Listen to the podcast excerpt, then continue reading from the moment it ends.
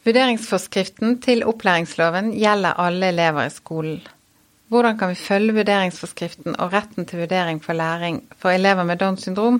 Karianne Hjørnevik Nes er medforfatter av veilederen, og snakker her om hvordan vi kan få til god vurdering. Hei, jeg heter Karen Knutsen Synnes, og velkommen til denne podkasten om inkluderende opplæring for elever med Downs syndrom. Hei, Karianne. Hallo! Velkommen til eh, podkast om inkluderende opplæring. Tusen takk. Kan du begynne med bare å fortelle litt om deg selv? Ja. ja, jeg heter Karianne, det sa du jo. Jeg har vært engasjert i Downs syndrom Norge siden 2008. Da var min datter Sanna, som har Downs syndrom, eh, tre år. Eh, og så har jeg sittet i fagrådet eh, fordi jeg fant tidlig ut at jeg kunne bruke energien min på å lære meg mer om språk og språkutvikling for barn med Downs syndrom, istedenfor å eh, krangle med kommunefolk. Så da ble jeg veileder i Karlstad-modellen. Og så har jeg gjennom den kompetansen bidratt inn i fagrådet til Downs syndrom Norge. Eh, og så er jeg pedagog, og jeg er naturforvalter. Og jeg jobber med organisasjon og kommunikasjon i ganske store organisasjoner til vanlig. Så jeg har eh, et annet arbeid ved siden av engasjementet mitt for eh, språk og barn med Downs syndrom. Ja. Du har en veldig bred kompetanse. Og det er bra for Downs syndrom Norge. Og så er du en av forfatterne bak veilederen om inkluderende opplæring for elever med Downs syndrom. Og du har vært prosjektleder for dette store arbeidet. Kan du fortelle litt om eh, det som har vært gjort der?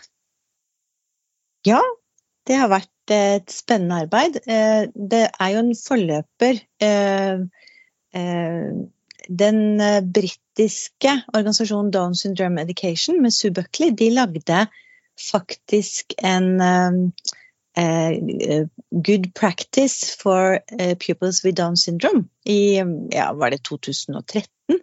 Som vi syntes var helt fantastisk. Uh, og så har vi hatt kontakt med Sue Buckley og visste at det var på trappene en internasjonal veileder. Så når den kom i 2019, var det vel, mm. så var vi veldig glad. Det var jo for Downs syndrom International, altså Verdensforbundet for Downs syndrom, som lagde den. Med eksempler fra hele verden og mye spennende forskning.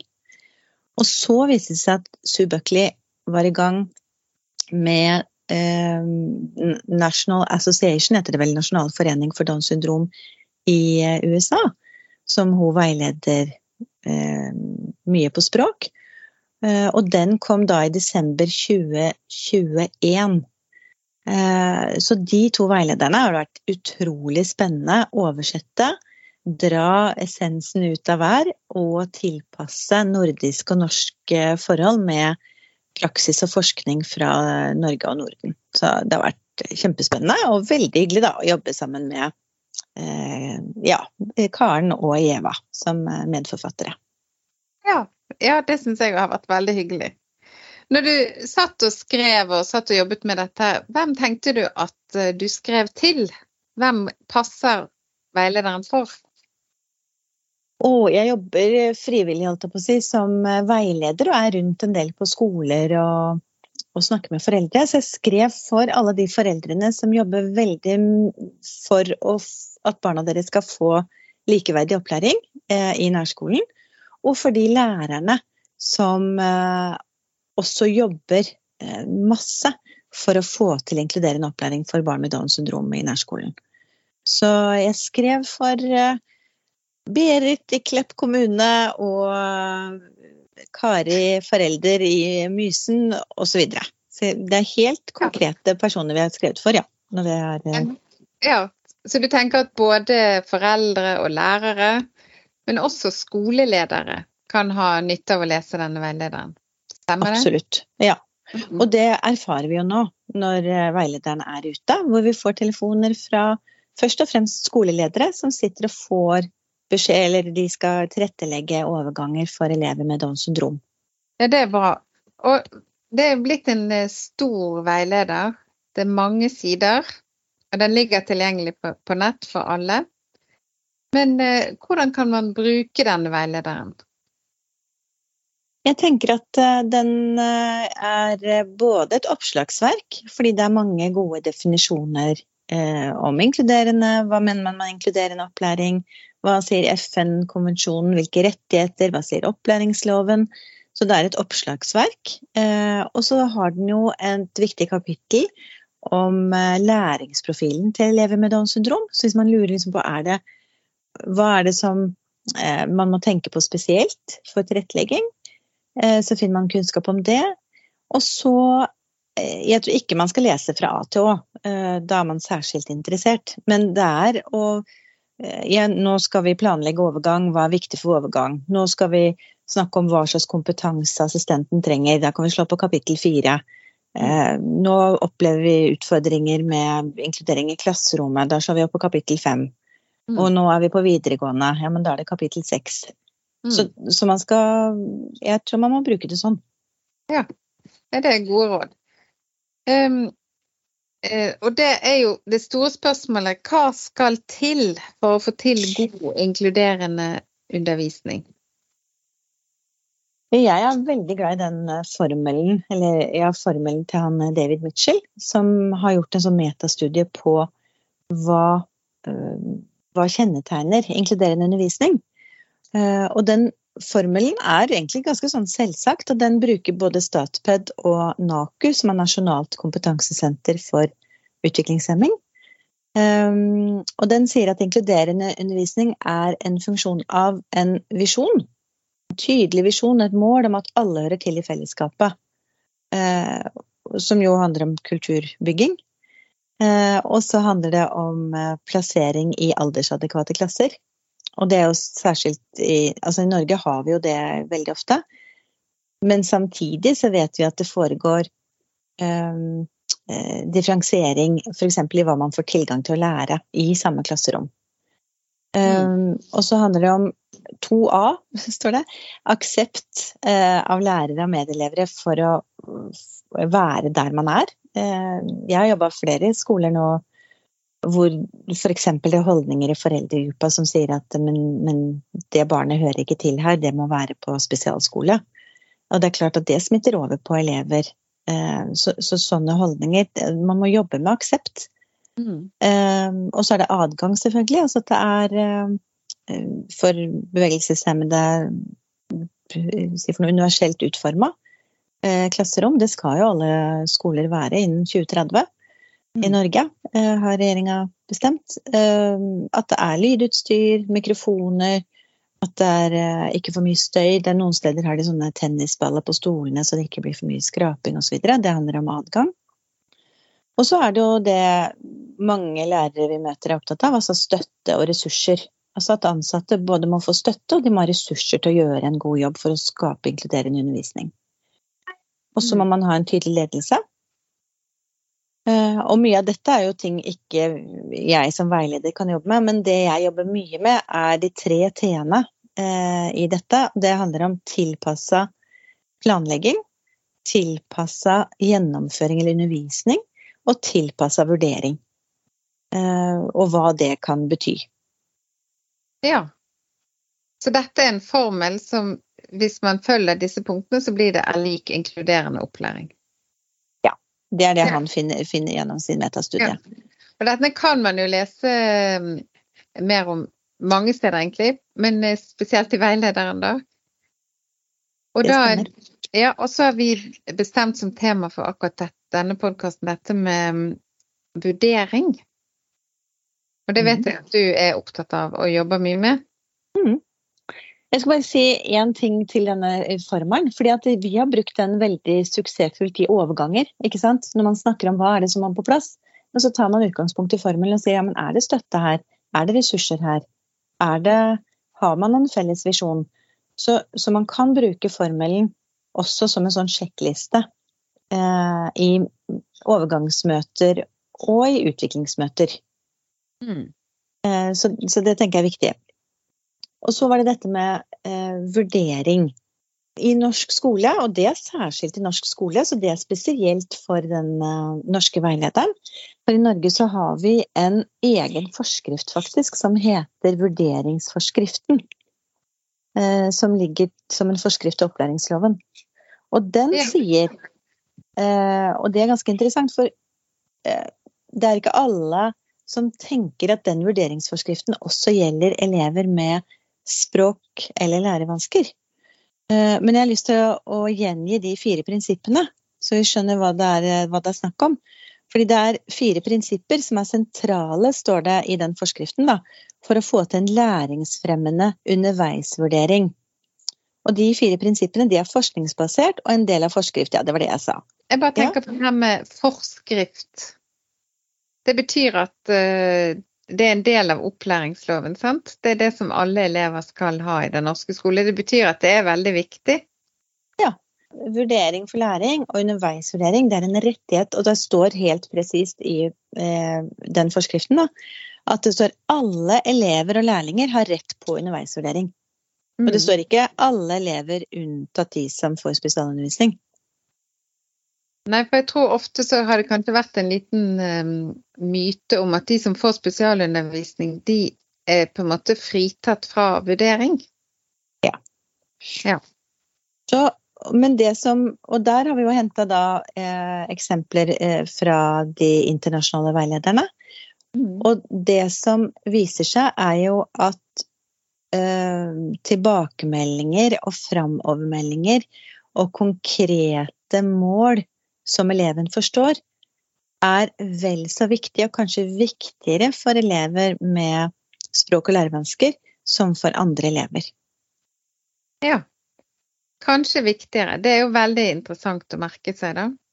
Ja. Mm. Så, og da kan man jo tenke seg selv, ikke sant. Eh, hvis du griper tak i meg og vil dra meg inn i et klasserom, jeg aner ikke hva som eh, du vil fortelle meg i dette klasserommet. Jeg aner ikke hva temaet er, for, og plutselig så viser det seg at det er fluefisking. Altså jeg må jobbe litt for å forstå hva er det du vil lære meg, Karen? Ja. Ikke sant? Så bare, ikke sant? Fordi det, det, er mange som forteller om motstand mot læring, at man ja. mister eh, konsentrasjon osv. Men jeg tror at det handler for en del elever om at man rett og slett ikke vet hva som forventes av, av dem. Mm. Og at man har en naturlig innebygd motstand mot ting som er ukjent, eller, eller situasjoner man ikke har oversikt over. Så at hvis man vet, og det er disse fire prinsippene, da. Eh, første prinsipp er at elevene og lærlingene skal forstå hva de skal lære, og hva som forventes av dem. Mm. Og prinsipp nummer to Elevene og lærlingene skal få tilbakemeldinger som forteller dem om kvaliteten på arbeidet eller prestasjonen. Det som er interessant her eh, eh, Vi hadde god hjelp av Statped. Og det de sa etter å ha observert eh, på barneskolen, var at det var veldig ensidige tilbakemeldinger. Det var enten high five eller tommel opp. Ja. Ikke sant? Sånn at for Sanna da, så hun For det første så, så forventa hun hele tiden tommel opp eller high five. Hun var ikke på en måte vant til å ta imot eh, La oss si tilbakemeldinger som fortalte at hun kunne gjøre ting bedre. Eh, mm. Så alt var liksom bra. Eh, og det betydde jo etter hvert at hun ble ganske slapp i det hun gjorde, for uansett hva hun gjorde, så fikk hun tommel opp. Ikke sant? Så, det, så ja. det er et ganske viktig poeng, at du faktisk må få tilbakemeldinger på en måte som gjør at du føler, opplever at det er reelt. Ja, det er jo hyggelig med tommel opp, men vi tenker vel at det må være litt mer nyansert. Ja. Og så snakker vi jo i skole om tilbakemeldinger som peker fremover, sant? Ja, og det er tredje prinsipp. Eh, ja. Det er at elevene og lærlingene skal få råd om hvordan de kan forbedre seg. Mm. Og så er det fjerde prinsipp at man skal være involvert i eget læringsarbeid. Eh, bl.a. å vurdere eget arbeid og utvikling. Jeg tror eh, at en utfordring eh, når det gjelder elever med språk- og lærevansker, er at man antar at elevene ikke har kognitiv forståelse til å delta i sitt eget læringsarbeid. Så jeg tenker at det som er viktig, er, er jo igjen da, det som ligger sånn grunnleggende i hele veilederen, en forventning om at alle barn kan lære. Og vurderingsforskriften sier noe om at alle barn eh, kan være involvert i sitt eget, eller må være involvert i sitt eget læringsarbeid. Og det setter jo store krav til konkretisering og tydeliggjøring eh, og form på vurderingene. ikke sant? Fordi det betyr i første prinsipp at de skal forstå hva de skal lære, og hva som er forventet av dem. Mm. For noen da så betyr det at man må bruke bilder.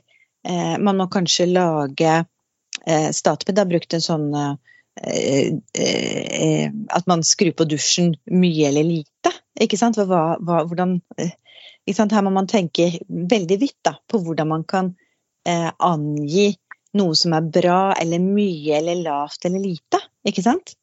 Mm. Eh, det kan være. Eller at man er veldig konkrete.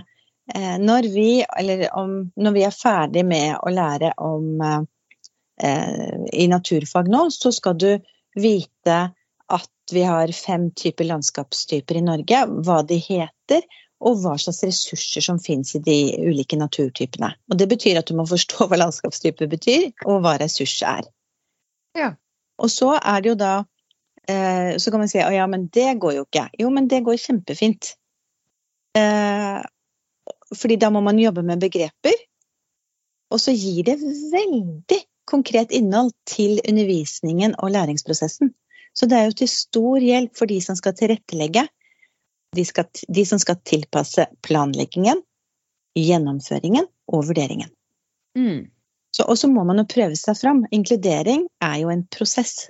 Det er en endringsprosess, ikke sant. Det er ikke noe noen blir inkludert. Inkludering er jo det å skape inkluderende læringsmiljø. Så det å, å, lage konkrete Altså hvordan skal eleven forstå hva de skal lære, og hva som er forventet av dem? Mm. Det, er, det, er, ikke lett, men man må begynne et sted, og så må man lære eh, å feile. Eller feile og lære, kanskje i den retningen. Ja. Feile og lære og, feile igjen. Ja, mm. Det må man tillate seg å prøve seg fram i samarbeid med laget rundt barnet, som vi ofte snakker om. Sant? Både hjem og de som er på skolen. Og, ja. ja. og så tenker jeg du sier veldig fint dette med at det må være konkret og tydelig. Og da, eh, da er det jo veldig fint å bruke bilder og symboler, vil du ikke si det? Jo, absolutt. Og tegn for de som bruker tegn. Og tegn og enkel tekst, f.eks.? Ja. ja. Og for noen, ikke sant, og Vurdering for læring begynte jo med sånn stjerner for noen, eller rødt eller gult lys, ikke sant, for det er nummer to, da, at du skal få tilbakemeldinger. Mm. Så der eh, var det jo noen som brukte sånn gul og grønt og rødt lys, eller tommel opp, tommel i midten og tommel ned. Ikke sant? Så har du lært det. Mm. Um, og dette er jo eh, Det er jo metalæring, på en måte, da. Ikke sant? Altså at du, du lærer å lære. Mm. Og det er også en viktig prosess. Så ved å jobbe konkret med vurdering for læring, så jobber man også for å utvikle selvstendige og dugelige mennesker. Ikke sant? Fordi du, du, skal jo få tilbakemeldinger på jobben. Eh, du skal få tilbakemelding som menneske. Eh, og hvis du aldri får det, eh, og det får du jo kanskje i mindre grad, da, eh, hvis du har språkvansker eller lærevansker, det blir jo tatt ekstra hensyn til. I hvert fall i vår familie så klager søsknene på at eh, noen ikke får den samme strenge oppdragelsen som andre for å si det sånn. Ja, nettopp. Ja, men da mener du at man kan være stille krav sant, til læring, og man kan vise at man får det til? Ja. ja. Gjennom å være tydelig og konkret. Mm. Og så tenker jeg det som er viktig, da, er eh, hvis man tar Eller legger vurdering for læring til grunn for læringsprosessen til barnet med lærevansker eller språkvansker, så kreves det jo et tankesett om hvordan læring foregår. Um, og det syns jeg uh, André, kontaktlæreren til Sanna, uh, som uh, For vi har jo også lagd en film, det har vi jo glemt å si. Um, og vi holder også på å lage et metodehefte. Men, men André Kvevik, som kontakt, var kontaktlæreren til Sanna, han sier at det, Det handler jo om en slags baklengs planlegging. Ikke sant? Fordi du eh, før perioden, undervisningsperioden starter, så tenker du gjennom hva er det eh, hva, skal, hva, skal, være produktet på en måte av denne perioden? Eh, hva er det eleven skal lære? Helt konkrete um, vurderingsmål eller læringsmål med vurderingskriterier, ikke sant? sånn at man vet hva som forventes. Det er derfor det heter kriterier. Ja, du, du klarte å vise at du forstår forskjellen på celle, bakterie og virus, f.eks. Eller du mm. klarte å vise at du forstår forskjellen på kystlandskap, eh, vidde, Finnmarksvidda og eh, skoglandskap på Østlandet. Eh, eller du klarte å sortere eh, adjektiv, sub, substantiv og, og um, verb i forskjellige kategorier, og vist at du forstår at det er forskjellige ordklasser. Um, og så sier André da at uh, du må på en måte ha Hvis du begynner med, med sluttproduktet, hvis, hvis, sluttproduktet skal være at du skal uh, vise at du har forstått uh, La oss si fotosyntesen, da. Og det skal du gjøre gjennom ja, På ungdomsskolen så brukte, lagde de en poster så må du jo tenke at ja, men hva, hva, skal til for å lage en poster som viser fotosyntesen? Og så må du som lærer ha tenkt forskjellige modeller for hvordan en med høy måloppnåelse, middels oppnåelse og lav måloppnåelse kan vise det. Du må tenke gjennom scenarioet. Og så må du også tenke gjennom hvilke begreper og hva slags type forståelse om sammenhenger som skal til. Og det former undervisningen din. Det sier noe om hvordan du tilrettelegger for undervisning. Mm. Ga det mening, eller var det ja, jeg tror det. Du, for du sier at man må ha tydelige mål, og så må man bygge stein på stein for å komme dit. sant? Så da må man ta utgangspunkt i uh, eleven og hva eleven kan, og så må man bygge. For ofte så begynner vi kanskje med fotosyntesen uten å ha snakket om blader og sollys først. sant? Ja, eller at man starter undervisningen Jeg er jo naturfagslærer sjøl. At man starter, sier at nå skal vi ha om fotosyntesen, og så starter man undervisningen, og så vet man ikke helt Man tenker sånn ja, jeg presenterer fotosyntesen, og så ser vi hvordan det lander, og så planlegger jeg resten av undervisningen. Mm. Ut ifra Altså at man planlegger løpende istedenfor å ha en konkret idé om hva, hvor man vil ha de ulike elevene. Mm. Hva slags kompetanse de skal sitte igjen med. Mm. Så, men, og det er kanskje litt ja. sånn uh, komplisert, men for våre elever, da, fordi at man trenger såpass lang tid, så, eh, så, må man egentlig vite hvor man skal ende, fordi man må jobbe målretta hver eneste dag for å nå dit. Ja. Man kan ikke siste uka begynne å lage en poster. Eller skrive en faktatekst. Eller eh, skrive oppgaver som viser at man har forstått ting. Nei, det er sant. Det trenger man lang tid på å jobbe fram som hvis man bruker vurderinga som en del av læringsprosessen. Ja, det er jo akkurat det man må, sant. Og det er jo hele intensjonen bak hele den vurderingsforskriften, tenker jeg. Ja, sånn at ja. hvis man tenker At man ikke tenker undervisning, undervisning, sluttvurdering, men at man tenker mm -hmm. at det foregår en vurdering for læring hele veien som ender opp med et produkt som ikke nødvendigvis vurderer som et slutt. Eh, ikke sant? Men da har man brukt vurderinga underveis hele tiden til å styre læringsprosessen. Ja. Og lærerne som hører på, de vil tenke at er underveisvurdering. Det er kjempeviktig. Mm. Ja, og, og, for mange er dette helt sånn eh, ja, plankekjøring. Og eh, for andre så krever det en litt sånn endring på hvordan man tenker vurdering for læring for elever med språk- og lærevansker. Både fordi man ja. må konkretisere tydeligere, men også fordi at man må vurdere kompetansen på en annen måte. Innom det, og det beskriver vi også i veilederen. ikke sant? Denne store, det store gapet mellom kompetansen som finnes, og språket til å sette ord på det. sant? Ja, fordi kompetansemålene i norsk læreplan de det er en kompetansebit som handler både om en kunnskapsbit og en ferdighetsbit, men mm. også en språklig bit som ofte er beskrevet med hjelp av verb. Det handler om å mhm. presentere mm gjøre rede for, forklare, beskrive. Mm. Mm. Den språklige ferdigheten er det ikke sikkert at en elev med språkvansker har i fjerde klasse eller sjette klasse eller niende klasse. Mm. Altså talespråk, da, ikke sant? Men språket er der. Eh, så man må tenke hvordan skal eleven som ikke har et talespråk som tilsier at man kan bruke talespråket til å vise kompetanse. Hvordan skal man vise at man har forstått de ulike naturtypene i Norge, eller uh, forskjellen på verb og substantiv, uten talespråket?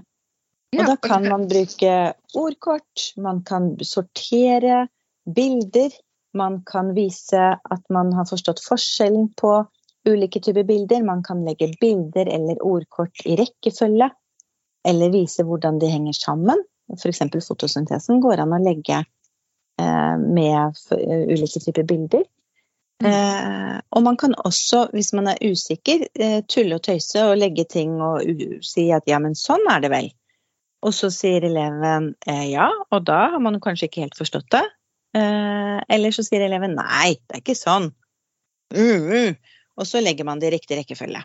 Da har man jo vist kompetanse.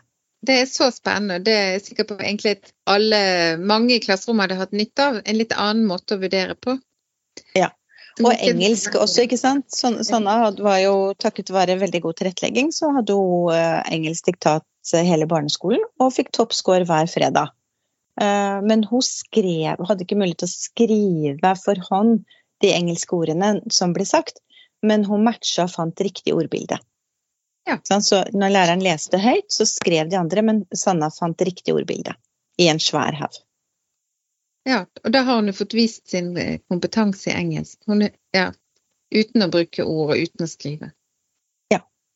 Og så tenker jeg det som er viktig, for, og det, det kommer i det metodeheftet. Fordi ofte så øh, øh, Og særlig når det gjelder sånne sluttvurderinger med prøver og sånn, så handler det øh, Og det er det Irene Johansson i Karlstad-modellen som har uh, snakka om. At man um, unngår å vurdere andre faktorer, så som f.eks. arbeidsminne, konsentrasjon, utholdenhet, planleggingsevne, altså hvor lang tid ting tar å gjøre, kunnskap om hvordan man skal svare. F.eks. så er jeg inne mange steder hvor de sier at ja, men fagsamtale fungerer ikke. Nei, det gjør det ikke, fordi at eleven har ikke lært hvordan en fagsamtale foregår. Bare det å forstå hvordan en fagsamtale foregår, er jo en prøve i seg selv. Det er ganske mye man skal forstå for å kunne delta og vise kompetanse i en fagsamtale. Ja, og også det at man nå får bruke hjelpemidler i en fagsamtale. Mm. Eller man kan Sånn at i en gitt vurderingssituasjon så må jo lærerne være oppmerksom på hva er det som vurderes. Er det, er det Stiller jeg nå krav til arbeidsminne? til konsentrasjonsevne, til språklige ferdigheter, til auditive evner, til, altså til hørsel f.eks. Hvis du skal lese eller lytte på ting, å, sånn som nasjonale prøver f.eks. Der er det jo for elever med språkvansker egentlig ikke kompetanse man viser, men evne til å, å lytte ut det som sies. Ikke mm. sant? Sånn at det er en det kan egentlig være en veldig sånn grei test. Sånn, hva, hva, er det egentlig vi vurderer her? Er det kompetansen, eller er det andre faktorer? Ja, men eh, hva tenker du om dette med karakterer? Oh, jeg tenker at eh, karakterer er viktig ikke for å få dem, men å få mulighet til å lære det samme som de andre som jobber mot karakterer. Ehm, fordi, sånn som vi har snakka om med det med lav måloppnåelse eh, Lav måloppnåelse, da jobber du mot en toer. Og det er klart at hvis du da eh, følger eh, de ordinære kompetansemålene Du lærer om den industrielle revolusjonen, og du jobber for å forklare. Du kan kunne forklare noe hva som har skjedd, og noen konsekvenser. Så har du fortjent en toer. Akkurat som mm. alle andre. Så, og så må man snakke da om hvordan man vurderer, og det, eh, det har jeg allerede sagt litt om. ikke sant, Med ordkort, ikke sant, det å få vist kompetanse. Men det er ingenting som tilsier at ikke eh, barn med Downs syndrom, eller elever med Downs syndrom, skal kunne få karakterer. Og om det er en toer, for det har vi også møtt litt sånn ja, men stakkar, og hvordan skal du fortelle at det er den dårligste og sånn. Jeg og også sier ja, men hvordan er det man Sier det til de andre elevene som får toer, eller gir dere bare treer og firere her på skolen? Mm. Nei, man gir også toere, og det gir man til alle typer mennesker, på en måte. Eh, sånn er systemet. Og det tåler våre barn, så lenge de får ordentlige og ærlige vurderinger, sånn som det skal være. For du skal jo ikke bare ha en karakter, du skal få framovermelding og en tilbakemelding der du er. Det er prinsippet i vurdering for læring. Og så tenker jeg også det at når man har begynt med karakterer, det er det mange som sier, så ser jo lærerne at her er det mer kompetanse enn det de har trodd. Sånn at fort, fort så ser vi da at det blir en firer i gym.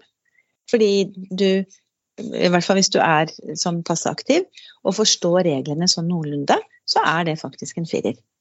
Eh, og det samme i mat og helse. Kjære med tid, så mye mat og helse som enkelte elever med Downs syndrom faktisk har. Skulle ikke mangle at de får en treer i standpunkt til mat og helse. Det er fullt innafor når du kan tilberede, koke pasta, eh, forklare hva som er sunn mat og dårlig mat osv. Så, videre. så det er å sette seg inn i hva som, som kreves, og så er ikke karakterer liksom for eh, de utvalgte få. Det er for alle. Nei, så det når foreldre sier nei, når, for, ja, når foreldre blir møtt med men uh, eleven skal ikke ha karakterer, så må vi tørre å si jo. Hvorfor ikke? Vi vet jo ja. at det å ha et mål å jobbe mot, å jobbe mot en toer eller jobbe mot en treer eller jobbe mot en firer, det vil gjøre noe med den innsatsen som legges inn. Sånn er det jo bare. Målrettet jobbing gir uh, bedre resultater. Ja. Og så er min erfaring at uh, det å snakke om karakterer er et sidespor. Altså det, det ender med avsporing. Fordi diskusjonen er egentlig ikke om man skal ha karakter eller ikke, men å få lov til å jobbe mot lav måloppnåelse. Mm. Ikke sant? Så, fordi det er ikke karakterene som er viktig, det er å få lov til å lære det samme som andre. Mm. Og få ordentlige tilbakemeldinger. Ja, og det har jo alle elever rett på. Å få en ordentlig vurdering av hva de har jobbet med, og hvordan det har gått. Hva de har lært. Og hva de skal gjøre videre for å gjøre det enda bedre eller lære mer i forhold til de oppsatte målene. Ja, ja. Og jeg tror jo at kanskje karakterer kan være med å gi en sånn mestringsfølelse uansett. At det er bedre at det Ja, det vet vi ikke. Det vil sikkert variere fra elev til elev, da, men og det går jo på hvordan man vurderer, men jeg tenker at vurdering er en del av undervisningspraksisen. Så det er jo rart når man, hele klassen har prøve, og så skal ikke eleven med Downs syndrom ha prøve. Det er klart eleven med Downs syndrom skal ha prøve. Ja. Så, så, så, med mindre man har svært segregerende praksis for vurdering i utgangspunktet. Altså at alle elever må ut på grupperom for å bli vurdert. For da vil det jo ikke synes at elever med Downs syndrom ikke får vurdering som alle andre. Så, så, det er en del av det klassefellesskapet. Og det er jo det som også har vært i hvert fall eh, min datters sterke motivasjon for å ha prøver, fordi resten av klassen har prøver. Det er veldig bra. Det syns jeg eh, var en fin, eh, et siste, fint siste poeng. Eller er det noe du vil si helt til slutt om dette med vurdering for læring? Ja, jeg tenker at det finnes eh, mange ulike måter å vurdere kompetanse på, og at for elever med eh, språk- og lærevansker, så kan det være lurt å bryte opp vurderingen i mindre enheter. Altså enten å gjøre det underveis, sånn konsekvent, eller at man, eh, hvis man har eh, klassen hvis man liker på en måte å få veldig sånn tverrfaglige ting, da, det er jo veldig inn. ikke sant? Du skal ha bærekraftig utvikling, og så skal du både vite noe om naturtyper og noe om sosiologi, eh, eller hvordan naturressursene spiller inn, og styresett. Og så har man én stor prøve for at man skal vise tverrfaglighet. Det kan for noen elever funke veldig dårlig. Så det å mhm. dele opp sånne kompetansevurderinger i mindre enheter, viser seg å ha ganske stor effekt. Og da får man et helt annet bilde av elevens kompetanse. Eller at man legger inn pauser. Både mikropauser eller andre pauser. Det har vært eh, veldig nyttig for Sanna å kunne ta seg en pause. Ikke sitte tre timer på fagdager, f.eks. Eh, eller at man deler opp f.eks. når du har et tentamen på en hel dag. Og det gjorde det egentlig for flere elever på den ungdomsskolen Sanna gikk. Ja, men da sier vi at det blir to halve dager. Fordi en hel dag for enkelte elever er veldig mye. Eller for mange elever. Da er du inne på noe veldig viktig, Karianne. For eh, jeg tror at mange av de tilpasningene som er positive for elever med Downs syndrom, både når det gjelder eh, altså undervisning og vurdering, de vil være positive for flere i den klassen og på den skolen. Ja, og det er jo det når jeg snakker med andre veiledere som jobber med altså ute på skoler, så er det det de kommer og sier. Ja. Lærerne som får det til, er så begeistra fordi Ikke fordi at altså Selvfølgelig også fordi den eleven som vi jobber spesielt med, men fordi det er så nyttig for alle de andre i klassen. Ja. Og det er jo et veldig Det er et veldig motiverende poeng, syns jeg. Det gjør det veldig Altså, det gjør det verdt det, sant? Ja. ja. Vi kunne snakket om dette her i, i timevis, vi, Karianne. Det er så spennende. Og det er jo bare fantasien som setter grenser. Men jeg tenker på en viktig ting. Eh, og det er jo, ikke sant, fordi mange tenker sånn ja ja, dette funker jo liksom i, i uh, hverdagen på skolen. Men hvordan funker det i de avgjørende avslutningsprøvene? Og der tenker jeg det er viktig å øve på. Der også må man jo ha det målet i sikte. At man har, særlig på ungdomsskolen, da, at, at man øver reelt på å bestå på eksamen. Og da sier Utdanningsdirektoratet, eller generelt, eh, og også i den internasjonale veilederen, at de hjelpemidlene man bruker i skolehverdagen, skal også være tilgjengelig for eleven i prøvesituasjon. Ja. Ikke sant? Sånn at den læringsprosessen som man er vant med, med om man bruker Interword som skriveverktøy, eller skrivemaler, eller iPad istedenfor PC, og man trenger en trygg person til å sitte ved siden av seg, for mange er jo det, ikke sant? at det, er en ny situasjon. At man bare trenger en, en god, varm kropp ved siden av seg. Ja. Eh, så skal man også ha tilgang til det i en prøvesituasjon. Ja, og på muntlig eksamen har man rett til talemaskin, f.eks. Ja. ja. Sånn at ikke det blir noe sånn helt umulig, overstigelig eh, sluttbilde, men at det er rett og slett eh, mulig. Mm. Hvordan kan man vite uten at man har prøvd, er vel egentlig det magiske spørsmålet. Vi har jo ikke prøvd, er det mange som sier, men vi må prøve. Og så lærer vi.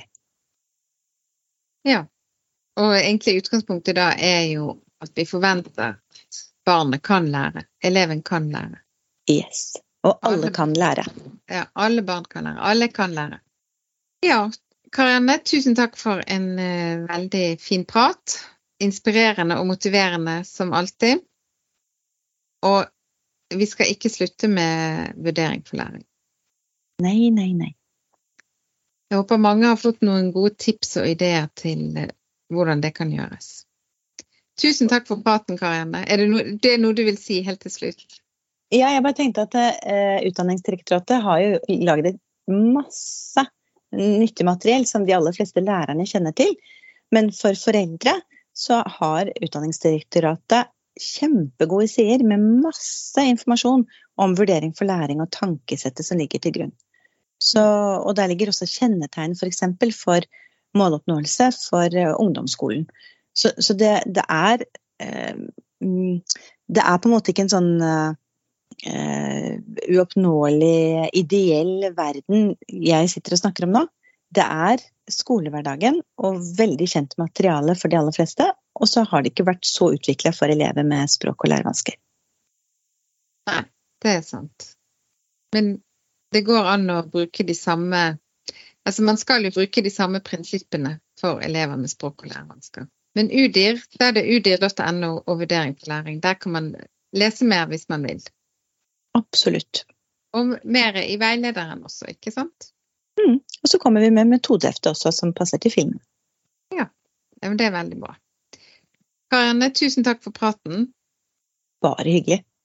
Denne podkasten er produsert av Downs syndrom Norge med Frida Victoria Markussen som produsent. For mer informasjon om inkluderende opplæring, sjekk ut våre nettressurser på downsyndrom.no. Takk for at du lyttet!